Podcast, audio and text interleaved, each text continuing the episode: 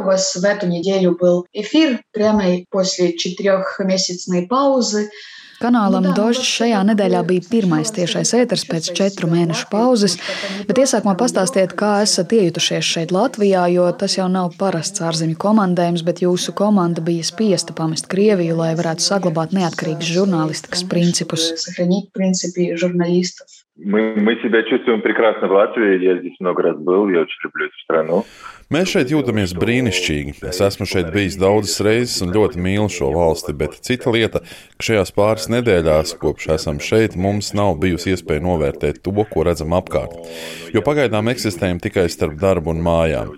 Rīga ir lieliska pilsēta un vienmēr ļoti atsaucīga. Es šobrīd nezinu, cik ilgi mēs šeit uzkavēsimies, bet ceru, ka mums šeit viss būs labi. Что все у нас здесь будет прекрасно. Ну да, если мы говорим немножко про организацию работы телеканала. Pastāstiet par telekanāla darba organizēšanu šobrīd attālināti no Rīgas. Ko tas prasa no žurnālistu komandas ziņot par notikumiem, atrodoties citā valstī? Команда журналистов, как технически вы это делаете?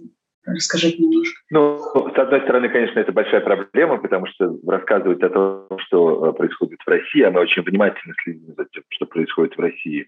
No vienas puses tā ir liela problēma, jo mēs vienmēr uzmanīgi sekojam līdzi tieši notikumiem tur, bet tagad, esot citā valstī, tas, protams, sarežģīja mūsu darbu. Un tas ir ļoti svarīgi sekot līdzi stāvoklim pašā Krievijā un nezaudēt to notikumu nervu un valsts iekšējās atmosfēras sajūtu.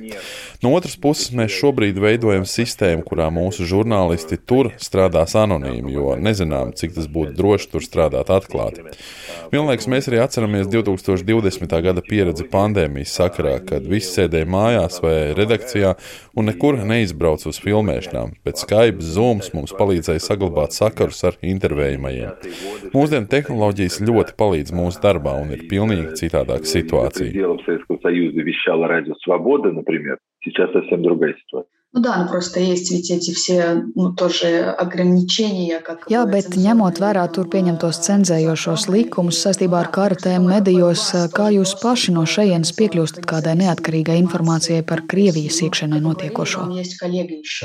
Да, да, да, именно так. Но у нас, у нас есть доступ благодаря тому, что... Jā, mums ir pieeja šādai informācijai pateicoties tiem avotiem. Protams, ņemot vērā cenzūru, kas ievies tieši līdz ar kara sākumu Ukrainā un kuras dēļ desmitiem žurnālisti ir izbraukuši no Krievijas, informācija tagad iegūt ir sarežģītāk. Bet tas, ka joprojām ir palikuši cilvēki Krievijā, kas sadarbojas ar mums un ir iespēja komunicēt sociālajos tīklos, tas ļoti atvieglo šo uzdevumu.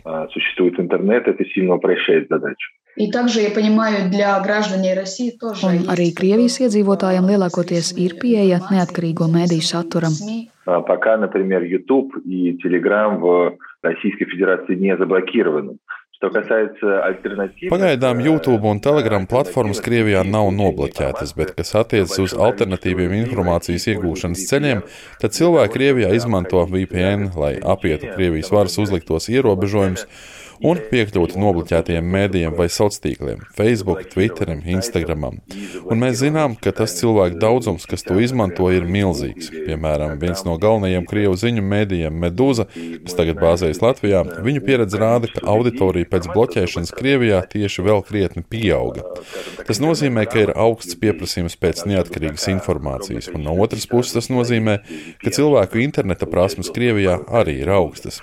Kas skar kanālu Dožģi, tad Krievijā mēs esam pieejami joprojām YouTube, bet kabeļtelevīzijā, kā iepriekš, mūs vairs nevar atrast. Кабели, как прежде, у нас пока, во всяком случае, нет.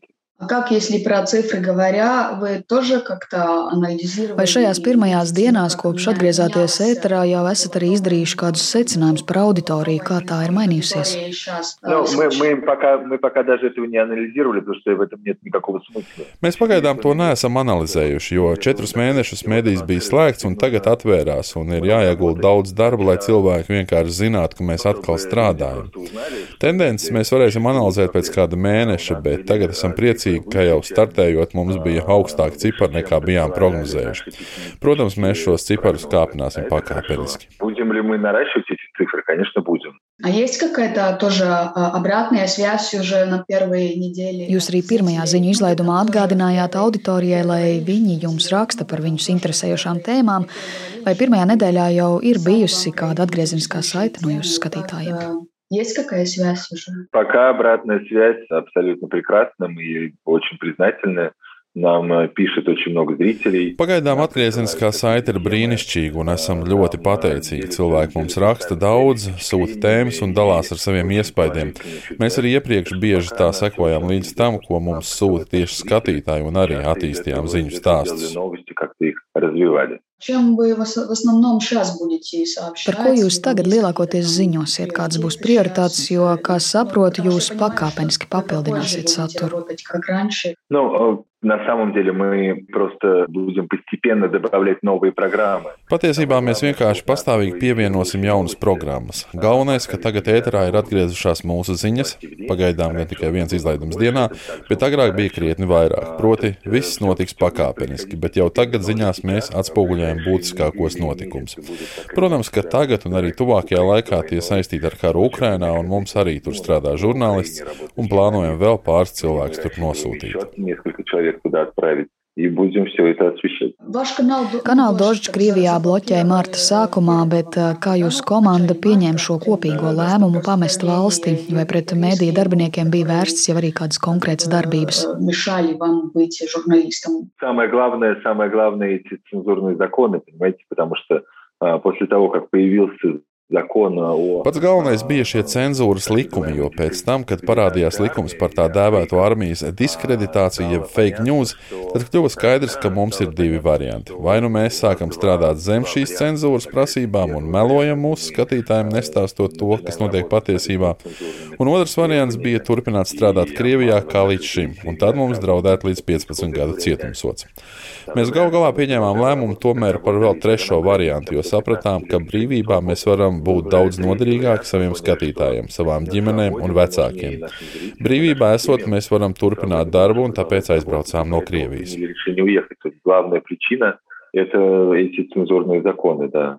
Да, ну вы не вся команда, как вы говорили. Cik daudz darbinieku tagad ir šeit? Сколько вас есть тут сейчас в Латвии? Здесь в Латвии. Pagaidām ap 30-40 darbinieku ir Latvijā.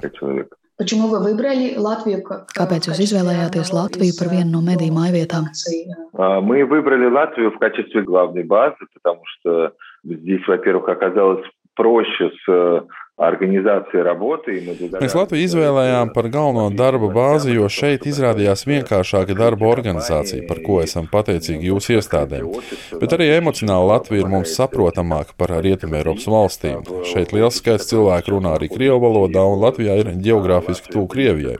Un Latvijā ir arī interesanta informatīvā telpa, jo šeit ir arī tas ziņu nervs kontekstā ar to, kas notiek starp Krieviju un Ukrainu сегодня между Россией и Украиной. Вы тут уже какое-то время провели, у вас есть уже какие-то первые впечаtlения? Jūs šeit esat pavadījis neilgu laiku, bet vai jums jau ir kādi pirmie iespaidi arī par Latvijas sabiedrību mediju tirgu?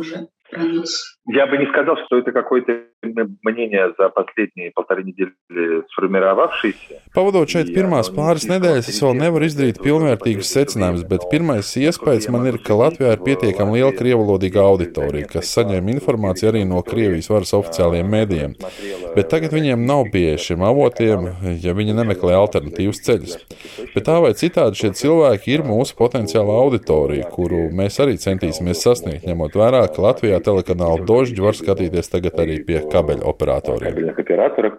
Так что мы очень рассчитываем, что до этой аудитории нам тоже удастся достучаться. Как вы думаете, какое будущее для независимых? Kā jums šķiet, kāda vispār ir nākotne Krievijas neatkarīgajiem medijiem, kas tagad ir emigrējuši uz dažādām valstīm?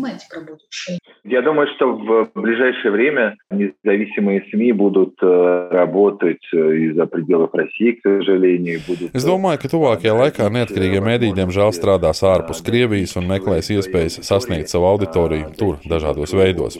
Tā būs tāda partizāna cīņa, taču es esmu optimistiski noskaņots un ticu labajam. Es uzskatu, ka esošā situācija nav mūžīga un tā mainīsies vidēja termiņa perspektīvā. Bet tas cits starpā atkarīgs arī no medijiem, jo labāk tie strādās un ar vien vairāk cilvēku Krievijā saņems patiesu informāciju, jo ātrāk situācija mainīsies un arī žurnālisti varēs atgriezties mājās. Спасибо, что нашли время. Удачи. Спасибо. Всего доброго. Да, всего доброго.